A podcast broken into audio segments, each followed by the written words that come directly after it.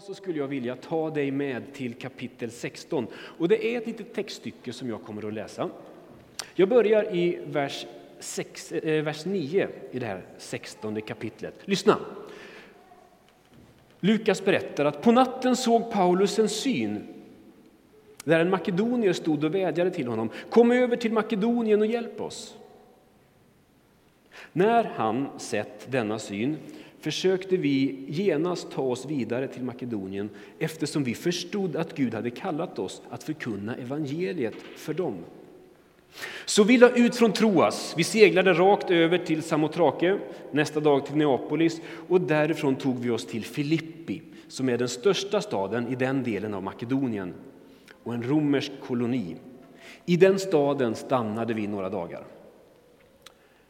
Väl där så rör sig Paulus och Silas, Lukas och Timoteus i staden. Och de möter bland annat en slavflicka. Hon har en spådomsande som ger henne förmåga att spå. Och hon drar in stora inkomster till sina slavherrar, de som då äger henne. Men när Paulus har befriat henne ifrån den här onda anden så medför det att slavägarna förlorar sin inkomst. Ursinniga så släpar de henne eh, släpar de Paulus och Silas till torget. Och vi läser vidare från vers 22. Även folket gick till angrepp mot dem, mot Paulus och Silas, och domarna slet av dem kläderna och befallde att de skulle piskas. De fick många rapp och kastades i fängelse och fångvaktaren fick befallning att bevaka dem noga. När han nu fick en sån befallning satte han dem i den innersta cellen och låste fast deras fötter i stocken. Vid midnatt så var Paulus och Silas i bön och lovsång till Gud medan fångarna lyssnade på dem. Plötsligt kom ett kraftigt jordskalv så att fängelset skakade sina grundvalar. I samma ögonblick så öppnades alla dörrar och allas bojor lossnade och föll av. Fångvaktaren vaknade, och när han fick se att fängelsedörrarna stod öppna så drog han sitt svärd och skulle just ta sitt liv eftersom han trodde att fångarna hade flytt. Men Paulus ropade högt, gör dig inte illa! Vi är här allesammans. Då bad han om ljus, rusade in och föll skräckslaget ner inför Paulus och Silas. Så förde han dem ut och frågade, vad ska jag göra för att bli frälst? De svarade, tro på Herren Jesus så ska du bli frälst, du och din familj. Och de förkunnade Herrens ord för honom och för alla i hans familj. Och, och redan vid samma timme på natten tog fångvaktaren med dem och tvättade deras sår och han döptes genast tillsammans med hela sin familj. Och så förde han upp dem till sin bostad och dukade ett bord, jublande glad över att han med hela sin familj hade kommit till tro på Gud. Vi ställer oss upp och sträcker på oss och så ber vi en kort bön inför det att vi går in i den här texten. Helige Ande, kom och tala till våra hjärtan. Kom och tala till oss om tro och tillbedjan. Ge våra ögon ljus så att vi ser den väg som vi har att gå. Och låt ditt ord, som vi har läst idag, få bli förklarat för oss genom den helige Ande. Det ber vi i ditt namn, Jesus. Amen. Amen. Varsågod och sätt dig ner. Hörrni, följ med. I den här texten så, så, läser vi om att Paulus och Silas, ja, de troende, de reste ganska mycket redan på Bibelns tid. Eh, vi får slå följe med dem ut på den här missionsresan som tar dem till Filippi. Eh, och det som skildras i det här kapitlet är faktiskt ett ganska avgörande skede. Det är första gången som budskapet om Jesus tas ifrån Asien eller Mellanöstern in i Europa. Filippi som ligger i Grekland är alltså den plats där budskapet om Jesus första gången eh, predikades. Och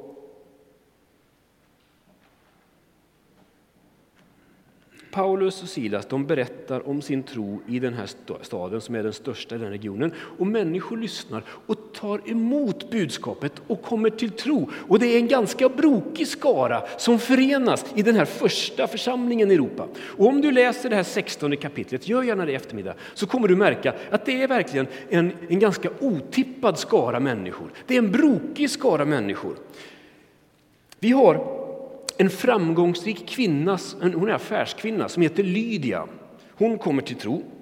Vi har den här unga slavflickan som inte ens vet vad hon heter.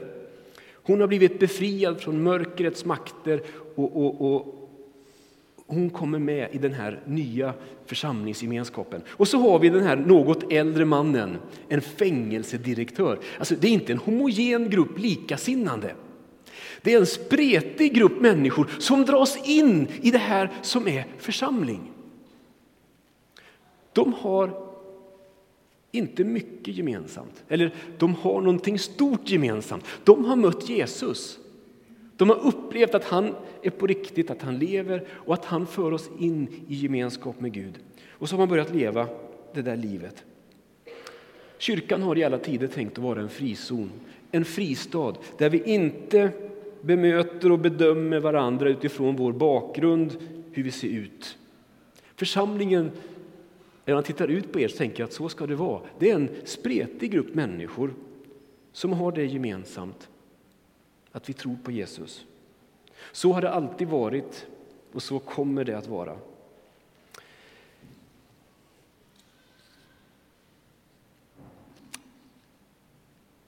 När vi läser om den här gruppen människor, när du läser om Lydia, den där affärskvinnan, så står det i kapitel 16 att hon var andligt intresserad. Eh,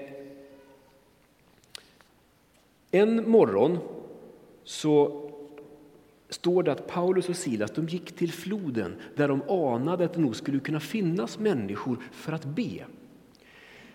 Och, Det är värt att notera, hur kommer människor till tro?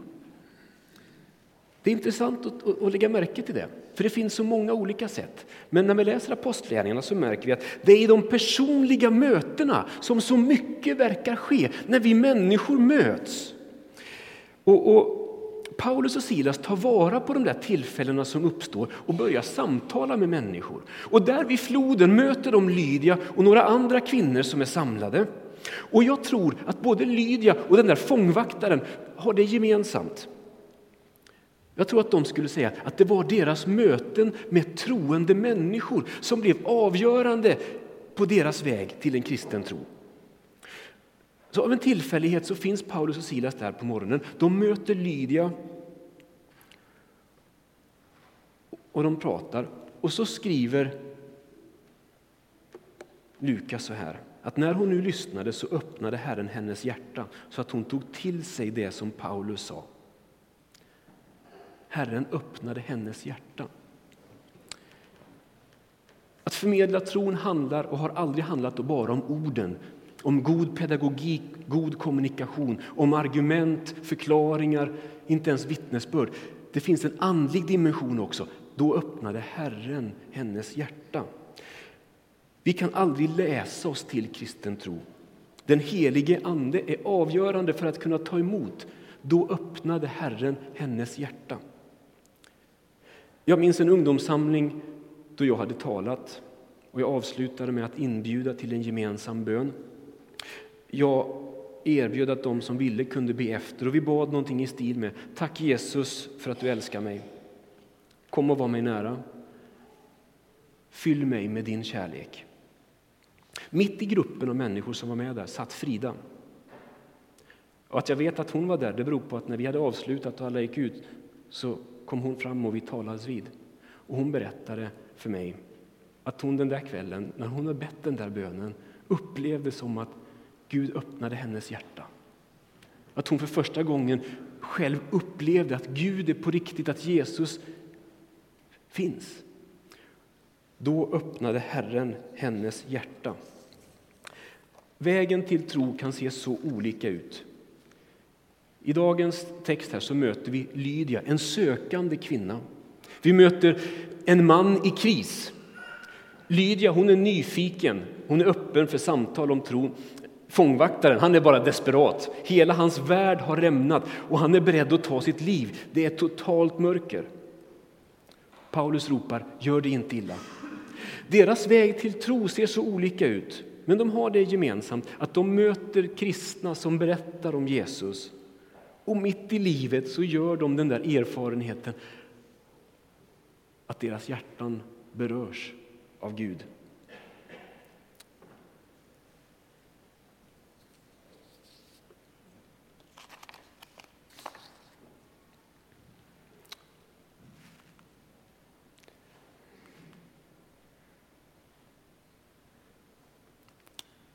Låt mig innan vi sjunger några lovsånger till bara göra dig uppmärksam på en detalj.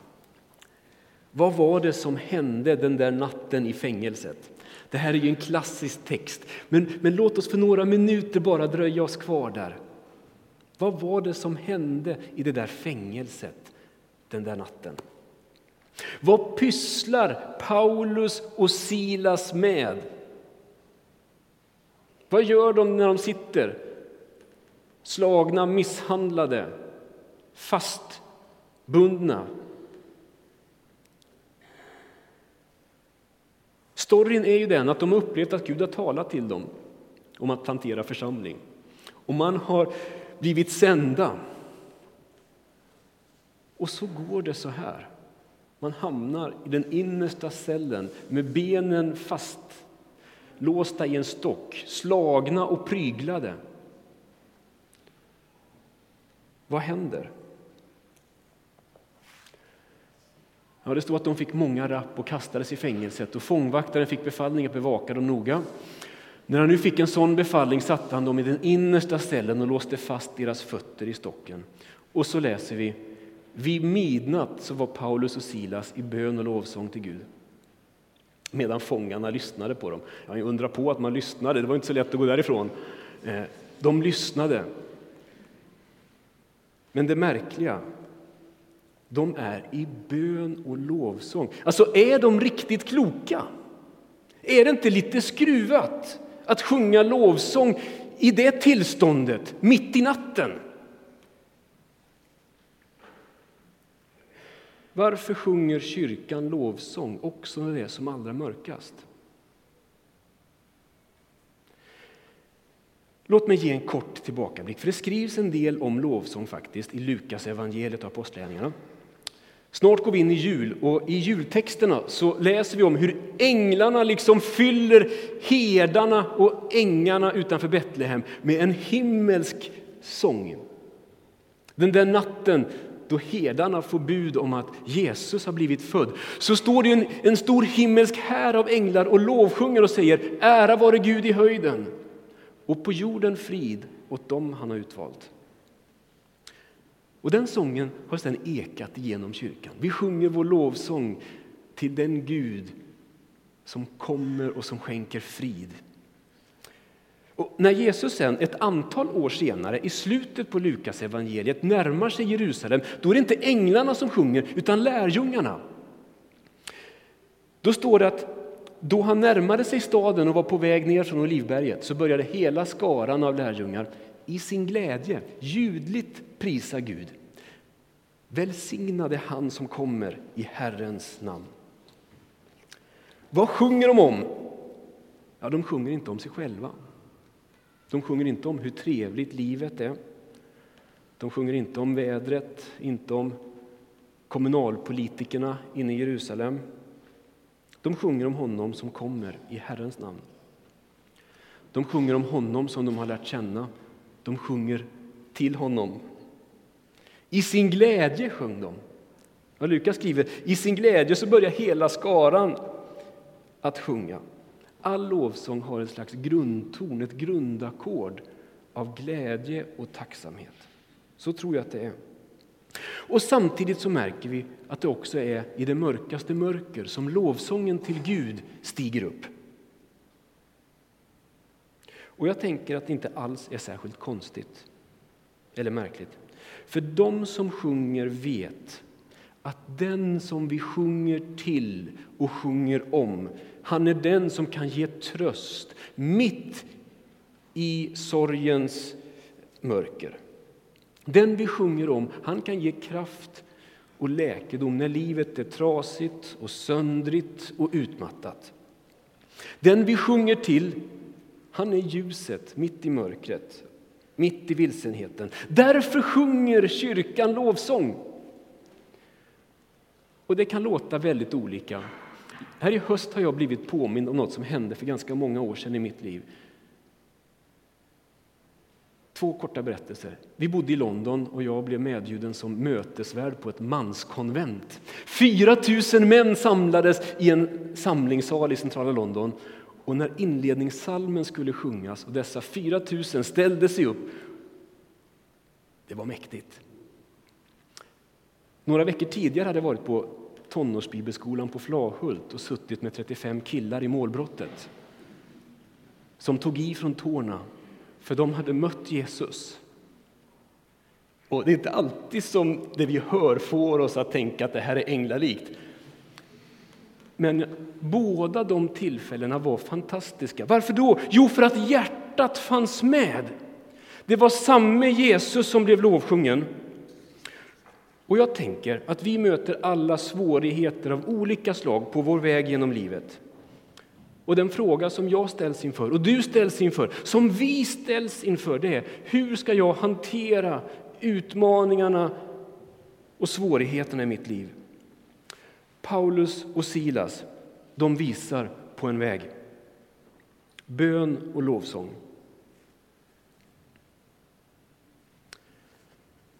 Har du varit med om att du har varit ute på ett fjäll en riktigt svinkall vinterdag och du har varit där alldeles för länge och du börjar frysa. Fötter och händer liksom domnar av. Jag har tänkt att de svårigheter som jag har gått igenom och som jag har mött andra också gå igenom kan vara som en sån där svinkall dag på fjället. Att känna sorg och oro har visst gemensamt med att bli riktigt nedkyld. Man, just, man blir stel, det gör ont i kroppen, i fingrar, i tår, i näsan. Att då få komma in i en värmestuga och tina upp, det är inte bara skönt, det är faktiskt livsavgörande. Det gör gott ända in i själen. Det frusna liksom tinar upp och man kan till slut börja röra lite på tårna och fingrarna. Och jag vet av egen erfarenhet de där månaderna efter att vi hade begravt vår son. Hur avgörande det var för mig och min fru att få gå in i ett kyrkrum där det sjöngs lovsång. Omsluten av den här sången, det var inte alltid vi ens kunde sjunga med, men då andra också sjöng för oss. Men där vi fick ta in detta evangelium, att han är välsignad, han som kommer till oss. Där, omslutna av lovsången, så upplevde vi hur Guds kärlek kunde värma våra hjärtan och också väcka hoppet till liv på nytt. Och Det där är en nåd som ingen av oss skulle behöva leva utan. Jag tänker att det är livsnödvändigt med platser där det bes och lovsjungs. Så lyssna, tveka inte att söka dig till gudstjänst även när livet är mörkt.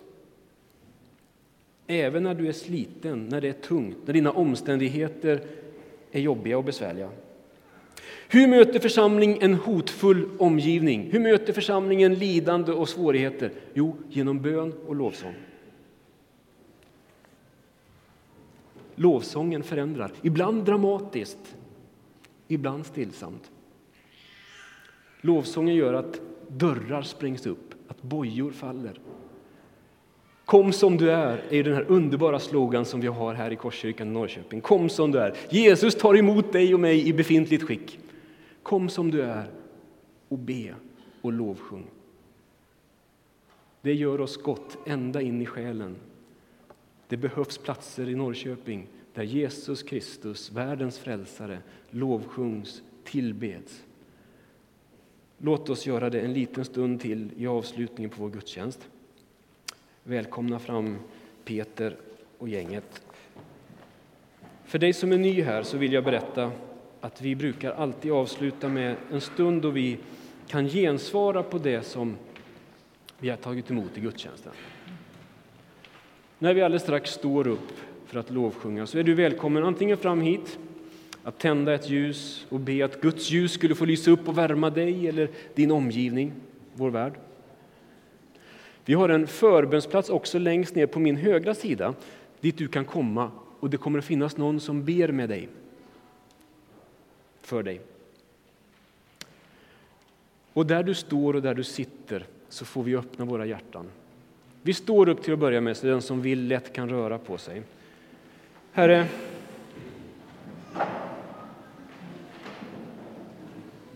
du känner allas våra hjärtan. Våra liv är inte fördolda utan uppenbarade och klara för dig. Du känner allt, du är förtrogen. Och tack att du kommer till oss så som du kom till Paulus och Silas den där mörka natten i fängelset. Tack att du kommer med ditt ljus. Och likt som din kyrka i alla tider så får vi idag på den här platsen lovsjunga dig Jesus. Ingen är som du. Inget mörker är så mörkt att inte du kan ta oss ut. Herre, dina händer har sår som säger att du aldrig lämnar. Dina axlar de bär hela mänsklighetens börda. Du har fullbordat allt och i ditt namn stiger lovsången. Herre, vi vill tillbe dig för att du är världens frälsare. Amen.